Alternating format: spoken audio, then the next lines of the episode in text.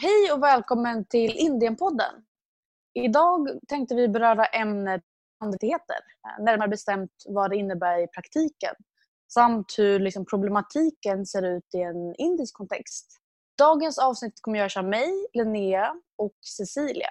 Cecilia, kan inte du börja med att berätta var du var praktikant och vad du tänkte prata om idag? Absolut. Jag var praktikant på DDS, Deccan Development Society, som är en organisation som jobbar med småbönder och ekologiskt jordbruk av hirs som är ett sädesslag som finns i Indien. Det som mm. jag ska berätta om idag är till att börja med lite om eh, landrättigheter inom jordbrukssektorn generellt och sen så tänkte jag ta upp tre stycken anledningar till varför det är så viktigt att kvinnor finns med i ekvationen landrättigheter. Mm, okay. Intressant. Yes, vad tänkte du prata om och var har du varit någonstans? ja, jag var praktikant hos Keystone i Nilgiribergen i Tamil Nadu i, i, Indien. Eller närmare bestämt var jag då hos deras sociala entreprenörsdel. Um, ehm, idag tänkte jag fokusera på skogsrättigheter. Bland annat då en lag som kom 2006 och prata om det här kring ett försörjningsperspektiv, female empowerment, men också kring faktiskt komplexiteten av man ska säga, bevarande av hotade djurarter och miljöer. För ofta när man ska liksom skydda djur, till exempel tigrar som i det här fallet i Indien, så skapar man nationalparker och försvårar för människor som har bott där i generationer. Eller till och med eh, blir de tvångsförflyttade. Och detta är ju inte bara i Indien, det sker i många ställen i världen och faktiskt har det också skett i Sverige. Ehm, och detta fick jag då inte bara stöta på i min praktik utan jag jobbar också just nu faktiskt på en NGO som bland annat arbetar med att skydda tigrar i Indien. Lite bakgrundsinfo angående landrättigheter inom jordbrukssektorn som kan vara bra att känna till innan vi börjar prata om det är just att se till vilka det är som jobbar främst inom jordbrukssektorn i Indien. Och det finns siffror som är runt att det är 70-75% av alla bönder på landsbygden i Indien som är verksamma är kvinnor.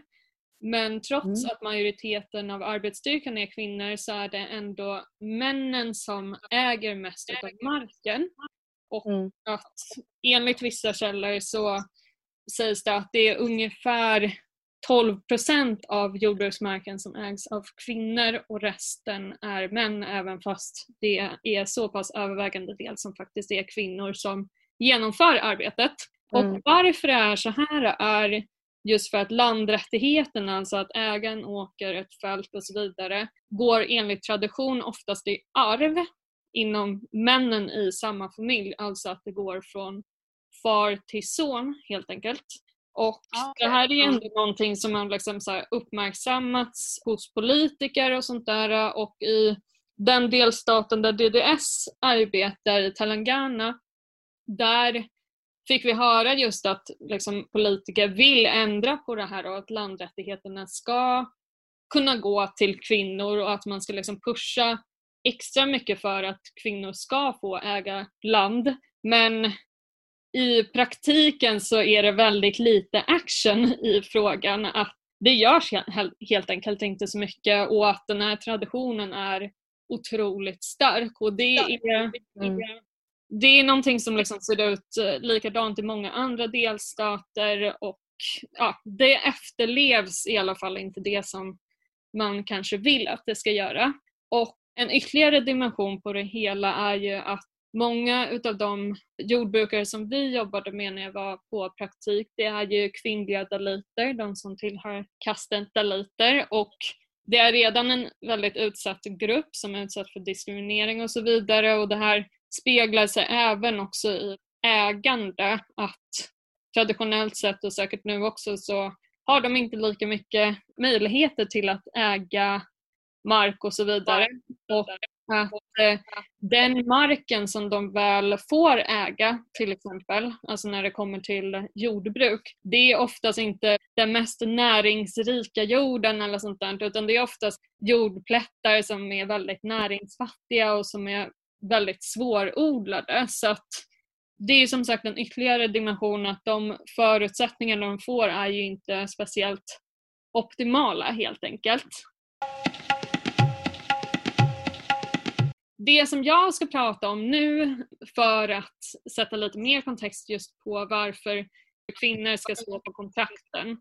Den första och den, som, den punkten som flest anmärkte på specifikt det är just att möjligheten att skaffa banklån. För det är så här mm. att för att kunna ta ett banklån för att till exempel kunna köpa fröer eller grödor för att kunna helt enkelt expandera och göra olika saker med sin mark så kräver det att det är den som står på kontraktet som tar ärendet vidare till banken. Och som jag sa i inledningen så är det ju så mycket annat i Indien att det är männen som äger marken och därmed är det de som faktiskt har makten.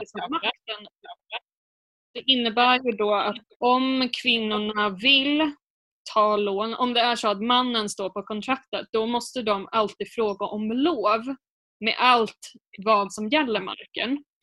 Och att de också får männen att gå till banken. Och det kanske inte alltid är lätt. Att det kan ju vara så att liksom, mannen har, eh, tycker att det finns andra prioriteringar att göra inte bryr sig eller något annat. Eller så samarbetar han, det vet man inte. Men att det som det liksom sker strukturellt är ju just att så här, kvinnor sätter sig i en beroendeställning till mannen.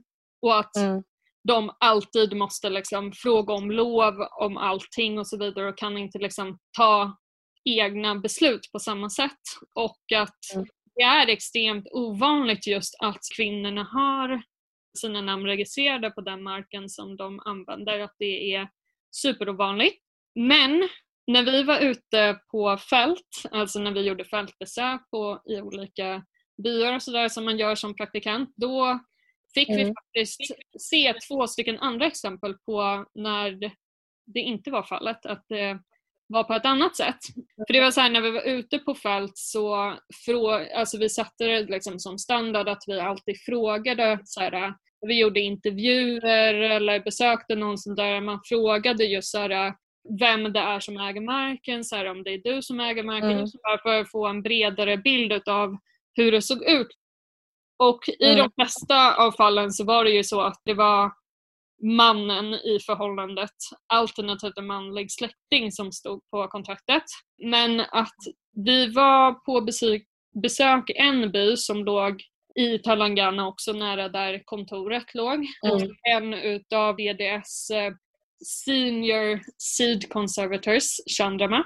Vi hade varit hos henne flera gånger och jag tror inte det var förrän det tredje fältbesöket som vi fick reda på att eh, i den byn som hon bodde i så var det så att alla som ägde mark i den byn, både mannen och hustrun på kontraktet.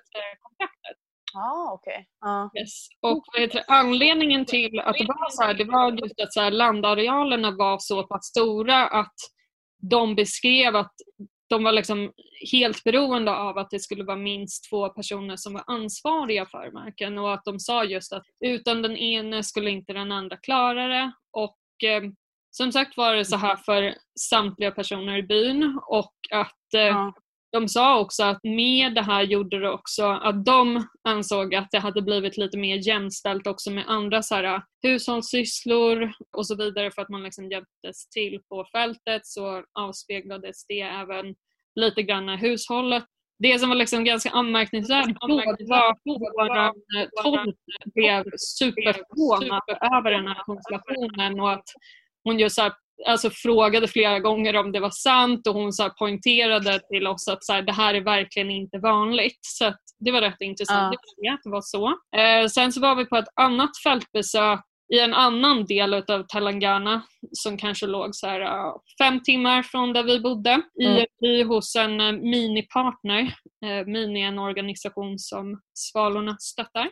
Och där så var vi i alla fall på ett informationsmöte med vad heter det, nya kvinnliga bönder som skulle börja odla hirs och efteråt när vi intervjuade dem så framgick det att det var kanske hälften av de som var där, ja, säg att det var ungefär 20 kvinnor, så var det hälften ja. som faktiskt ägde sin egen mark och resten utav dem mm. hyrde marken utav landlords. Och man såg liksom så när vi eh, frågade det här och när de berättade det att de liksom verkligen så här sken upp och var väldigt stolta över det här faktumet och att de just så ja. beskrev just att så här, de uh, sa att de var liksom otroligt stolta och att det betydde väldigt mycket att faktiskt äga en del land och att också så här, sa det att det kändes väldigt viktigt just det faktum att de kan ta ut ett banklån för att det liksom öppnar upp väldigt mycket mer möjligheter.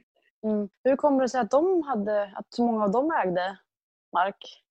Jättebra fråga. Eh, för det, det är så, här, så himla olika från vilken by till by. Alltså det var så här, jag tror mm. att grannbyn som de var i var det inte alls så. Då var det liksom männen som eh, ägde marken då. Så vi försökte ja. fråga dem som vi var på besök hos. Vi var på besök hos en organisation som heter PIS och då frågade vi han som är verksamhetsledare där och han sa liksom att det är, det är verkligen som slumpen. Det, är också att det just ser så himla himla olika ut så att jag har faktiskt inget konkret svar på det förutom att det liksom ser jätteolika ut vart man än är. Från ena byn till ja. Okej, och vad händer när, om vi säger att mannen skulle dö i en familj, vad händer då med marken? Då kommer vi till punkt nummer två som är så bra övergång där. Uh, nej, det, nu kommer vi till en punkt som är alltså, verkligen mörk. Men det som händer i alla fall om mannen dör, vilket tyvärr är eh, någonting som man har sett en tendens sker i större utsträckning i Indien på sistone för det som händer är att många bönder världen över, inte bara i Indien, väljer att mm. eh, ta livet av sig på grund av många anledningar men att den främsta är just att många bönder alltså, är i en väldigt utsatt situation ekonomiskt mm. och varför de hamnar i en sån situation är väldigt stor del till följd av klimatförändringar och torka. Så att det som händer är att det torka ställer till jordbruket som gör att grödorna som de har planterat för säsongen blir liksom obrukbara eller förstörda. Och då gör mm. det att om de har tagit lån för de här grödorna då kan de inte betala tillbaka på lånet som de har tagit ah, från första början. Ah. Och många ser ingen annan utväg än att eh, begå självmord. För att det är många, framförallt i Indien, av bönderna som redan lever i en otrolig ekonomisk utsatthet och som har små mm. marginaler. Och det gör ju att de blir extra sårbara. Och eh, alltså det finns siffror som visar på att det rör sig om hundratusentals bönder som tar eller har tagit sitt liv på indiska landsbygden. Så det här är ju verkligen ett stort problem liksom och att många mm. skyller just på att, så här, eh, det, att det finns väldigt så här, bristande resurser när det kommer till så här, finansiering för att liksom, backa upp om det är någonting, ja, men om det liksom, drabbas av torka och sådär. Så det mm. är en otroligt tragisk situation på så många olika nivåer. Men för att svara lite grann på din fråga så är det ju att det blir väldigt komplicerat. Allt som har med liksom juridiken att göra, att få kontraktet på marken att landa på kvinnan är väldigt svårt för att som jag sa i början så går ju marken i arv.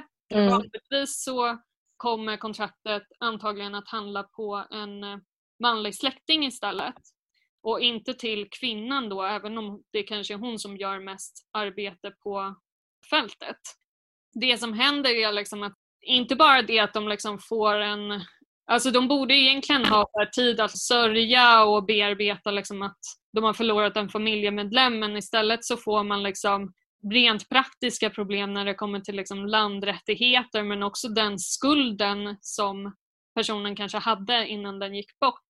Men att, ja, som sagt så brukar ju oftast registreringen hamnar hos en annan i släktet och det kan ju liksom alltså, falla alltså, olika beroende på vad det är för någon slags person men det kan ju bli så här äh, frågor om just så här, äh, vem ska odla på marken, får kvinnan fortsätta, vad ska odlas och allt sånt där. Liksom. Men sen framförallt så blir det ju en juridiskt komplicerad situation också för, att, för fruarna att få tillgång till landrättigheterna.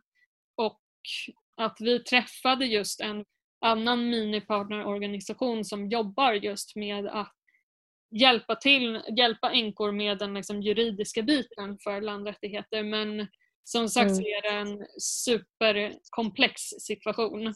Och att det man kan säga liksom, är ju att det bästa vore kanske just om så här, landrättigheterna tillhörde både alltså mannen och hustrun i den bästa av världar just om, om det är något sånt här som sker. Ja, det känns så himla förlegat. Det är ju 2020. Det känns kanske något som skulle, kanske skulle sett ut historiskt. Att det fortfarande ser ut så här känns ju helt sjukt. Ja precis men det är ju mycket patriarkala strukturer som sitter i liksom. och som sagt så finns det finns aktörer som vill ändra på det här men det går ju väldigt långsamt tyvärr. Ja. tyvärr. Men jag tänkte säga min sista punkt, punkt nummer tre, som, blir, som ger lite mer hopp i alla fall. Eh, det är just mm. om landrättigheterna tillhör kvinnorna så kommer det att styrka deras egenmakt och framförallt erkännandet av deras yrkesutförande. För det var någonting som många påpekade till oss också att genom att äga land så är det väldigt många som blir mer erkända för sina yrken som jordbrukare.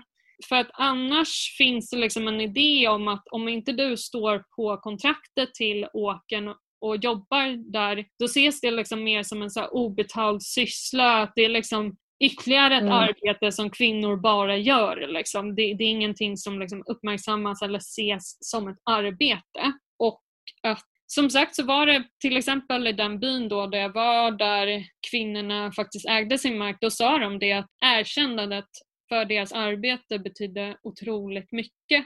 Och just också att det inte bara stärker deras position arbetsmässigt utan det är också i familjen och i lokalsamhället också att det är helt enkelt alltså så här, inger mer respekt och de har också möjlighet att komma in i mer så här, beslutsfattande roller också. Jag vet inte men det var liksom så här, det här gav mig personligen en tankeställare just att så här, just att det kan vara så här bara för att det inte står på papper att du äger det här så ses inte det som ditt jobb. Liksom. Alltså, så här, man själv tänker kanske bara ja men det är självklart att det här är en bonde och hon har sina rättigheter liksom, men att det, mm. det fick, fick mig att tänka i alla fall att så här, ah, shit, man behöver tänka flera, flera varv runt innan för det är så många andra faktorer som spelar in helt enkelt. Ja, jag tänkte prata om eh, skogsrättigheter.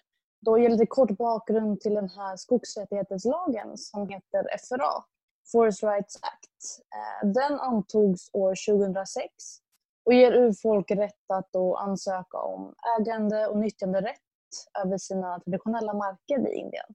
Och den här lagen är faktiskt historisk eh, då den erkänner att de här urfolksgrupperna har tidigare blivit berövade på deras rättigheter men, då stora männet, den ger inte automatiskt eller liksom absolut rätt över skogen. Utan de här människorna måste liksom aktivt ansöka om det. Och det är liksom ofta en lång och komplicerad administrativ process. Till exempel så krävs det dokumentation som kartor för att visa på liksom vilka områden som det är berättigade till. Och dessutom är det här konceptet att äga land en relativt nytt Eh, det, är liksom det människor jag fick prata med berättade att de ser sig själva liksom som en del av skogen. Att skogen är helig, inte att de liksom skulle äga den. Och FRA, det finns då två olika typer av den här lagen. Antingen individuell eh, skogsrättigheter eller då kollektiv skogsrättighet.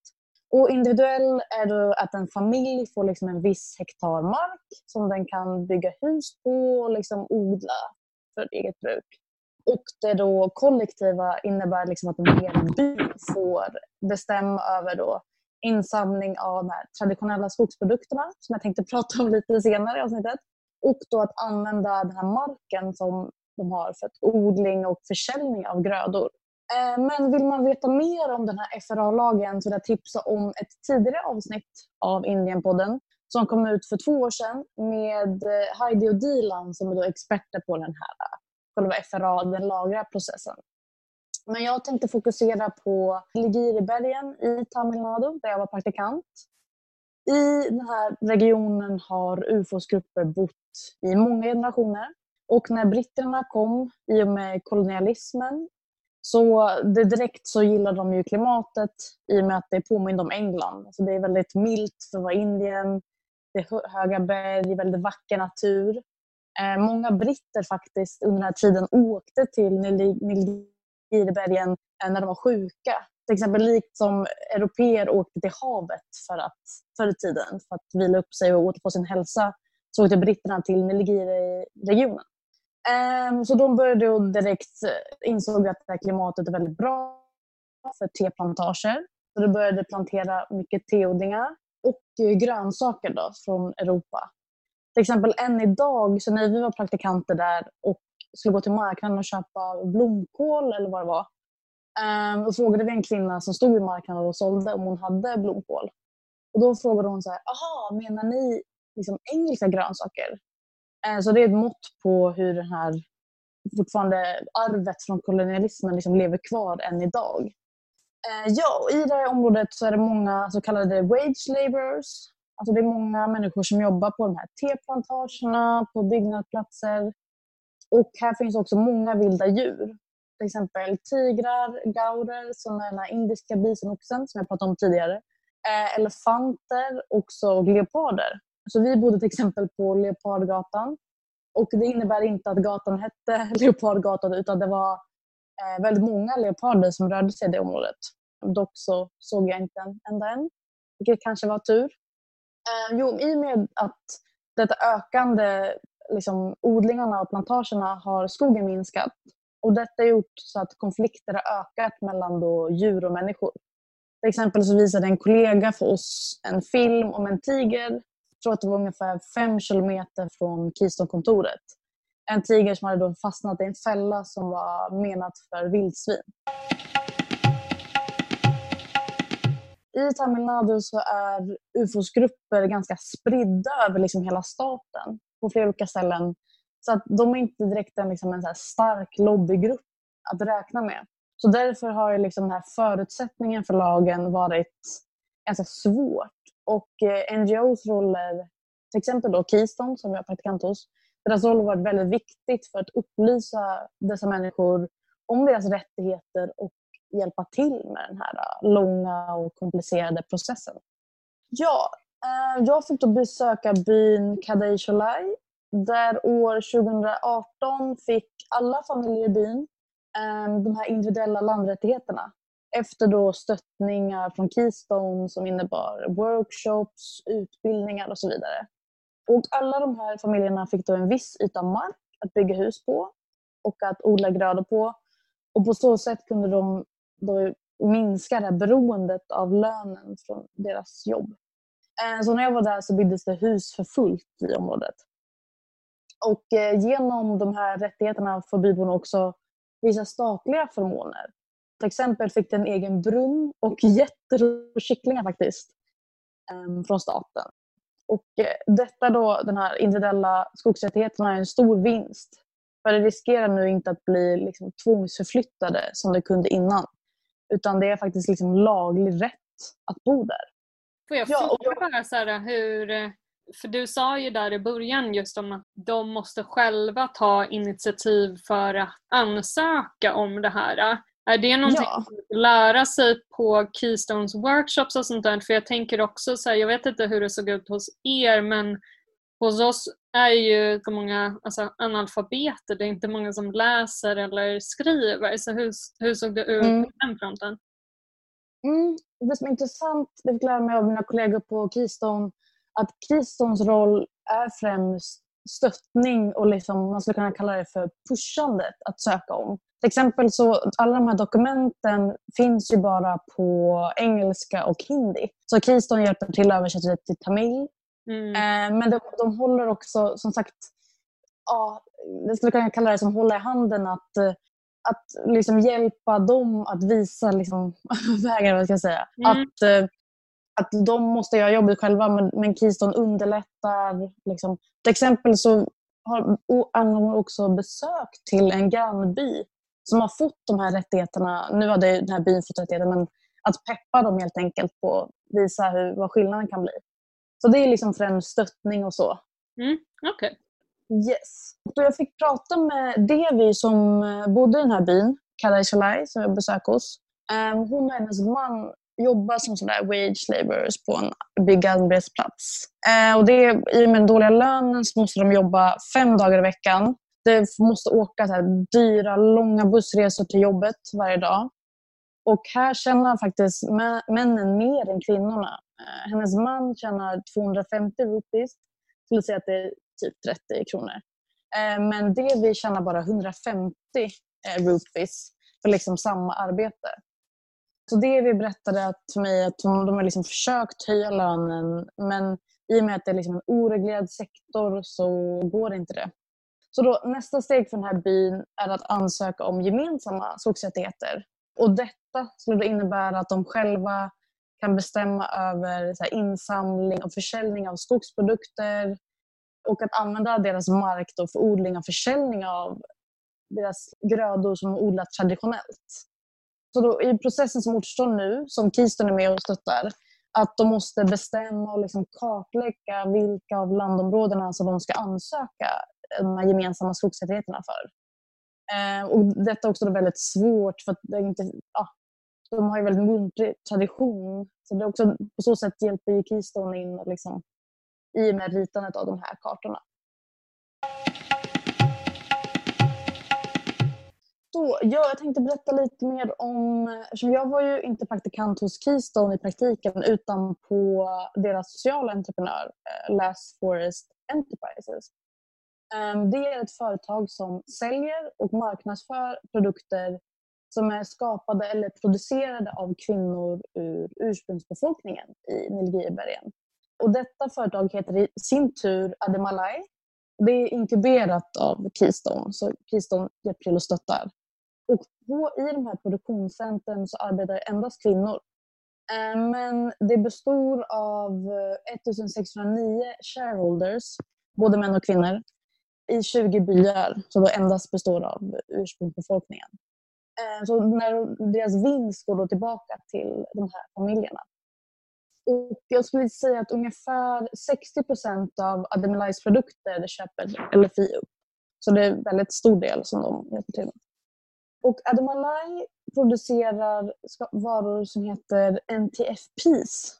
Det är, består, eller består av Non-Timber Forest Produce.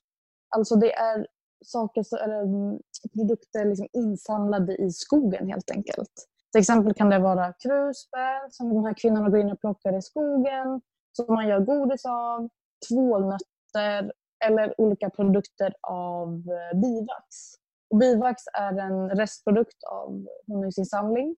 Eh, så jag tänkte prata om det lite mer senare. Och allt är från skogen. Och dessutom odlar de traditionella grödor som till exempel millets eller hirs som jag gissar att du är expert på Cecilia. Just det. Eh, Så de har fyra stycken produktionscenter och de, de ligger i deras egna byar, alltså verkligen mitt i skogen. Och här finns det vilda djur, de har problem med liksom vilda elefanter som kommer in och stampar ner staket. Och eh, ja, det finns ju ingen mobiltäckning. Till exempel skulle jag vara med på ett möte på Keystone med representanter från de här produktionscentrarna. Men det fick bli uppskjutet på liksom obestämd tid för att de fick inte tag på de här människorna i byarna för det hade regnat så mycket eller vad det var. Så att, eh, det var lite kul. Gud. Ja, ehm, så i alla fall de här kvinnorna som arbetar med i de här produktionscentren eller med Ademalai, de behöver inte vara de såna här kallade wage laborers mer, som det vi som jag berättade om, utan de kan ju faktiskt jobba med deras det här hållbara, det här traditionella produkterna som de gjort i generationer och att de liksom kan tjäna pengar på det. Så när jag var på besök på de här centren så fick de, visade de liksom upp de här produkterna väldigt stolt som de själva hade tillverkat och berättade liksom entusiastiskt om den här processen. så dock, men dock är det ju en förutsättning att de måste kunna gå in i skogen på att hämta de här produkterna. Annars får de ju problem. Och eh, detta tänkte jag berätta lite mer om. Jag fick eh, prata med två honungsinsamlare som heter Paramesh och Chandran i Hassanur som också ligger i Tamil Nadu som Kirsten har arbetat med. Och de berättade för mig om den här svårigheten med att inte ha den här lagliga rätten att gå in till skogen. Eh, jag tänkte berätta lite snabbt om honungsinsamling. Det är väldigt intressant och det är väldigt gammal eh, liksom, ritual som vissa ursprungsbefolkningar i Nilgiri-området håller på med. Så det är från, från april till juni varje år så är det cirka fyra till fem män, utvalda män i, från de här grupperna, som går in och samlar in då vild honung från höga klippor och träd. Ja, så de hänger högt från en liksom egengjord repstege upp i marken med en liksom lång stör skär ner den här honungskammen. Då. Och de, liksom, det är tusentals bin som surrar omkring dem. Och det, det härifrån, det, den som inte används till honung används då till som bivax, alltså till att göra läppbalsam och så vidare i de här produktionscentren. Ja, så då, området där, de, där Paramesh och Chandran samlade in honung blev år 2012 klassat som ett tigerreservat. Då utan såklart att konsultera med de som bodde där. Så de får nog inte längre gå in och samla in honung till försäljning utan de får endast liksom samla in för eget bruk. Så därför är de just nu beroende av liksom relationen till skogsvaktaren som ja, helt enkelt bestämmer nu över reservatet. Att vissa skogsvakter är ganska snälla och låter dem kanske ta lite mer honung och vissa är, ja, låter dem inte alls göra det. Och detta är ju liksom ett av Förlåt att jag avbryter, men är det skogsvaktaren som liksom äger marken då eller bara jobbar där? Eh, bara jobbar som är av skogsförvaltningen som ser över eh, användning av sol och sådär. Så det är någon som är, representerar, liksom, vad kan man kalla det för, staten eller så. Okay. Ja. Eh, så att, ja. Så detta, när de inte får gå in och samla in den här honungen så är det inte bara liksom förlorad inkomst utan förlorar ju liksom kultur och en tradition.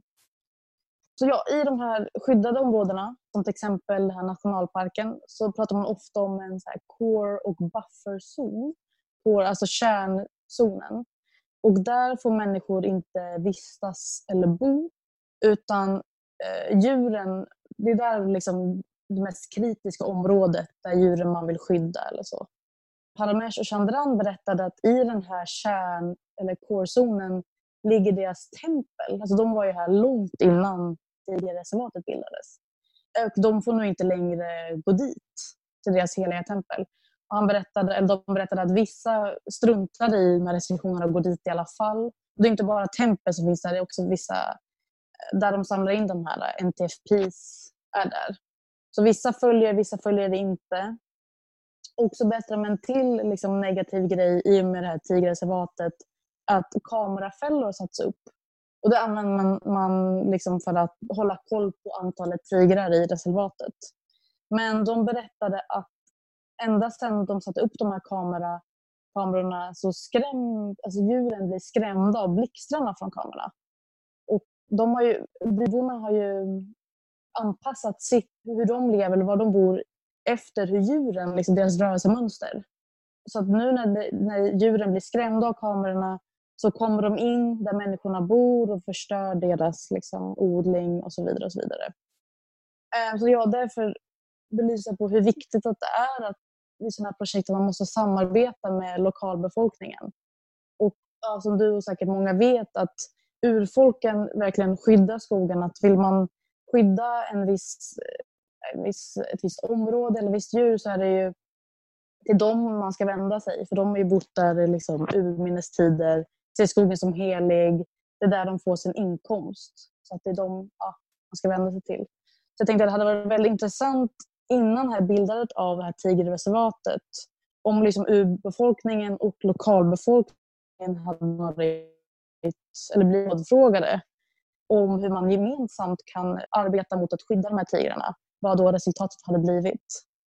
Så ja, varför är då FRA, den här skogsrättighetslagen, viktigt? Jo, det, inte, det gäller inte bara försörjning, framförallt till de här kvinnorna, så att de slipper beroende av de här dåliga betalda wagejobsen. Men det handlar också om att kunna bevara den här traditionella kunskapen och deras liksom hållbara sätt att leva och bruka skogen.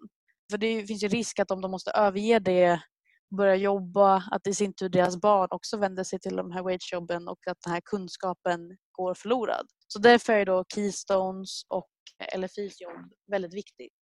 Jag tycker också att av det här som jag har hört av det du har sagt, alltså det lyfter ju bara liksom just om att, så här, att landrättigheter handlar om så mycket mer saker än bara just den fysiska marken utan att det handlar just mm. om så här, traditionell kunskap, om kultur och liksom social dynamik och allting. Att när man bara hör själva liksom begreppet landrättigheter så låter det väldigt platt och sakligt liksom, men att det faktiskt ja. är så mycket mer bredd.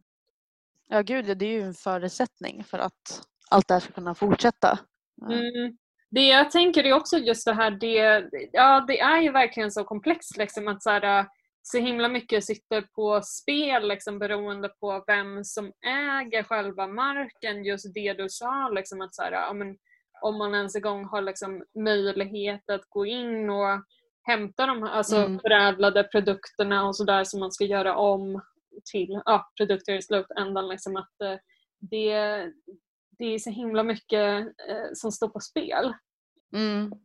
Absolut.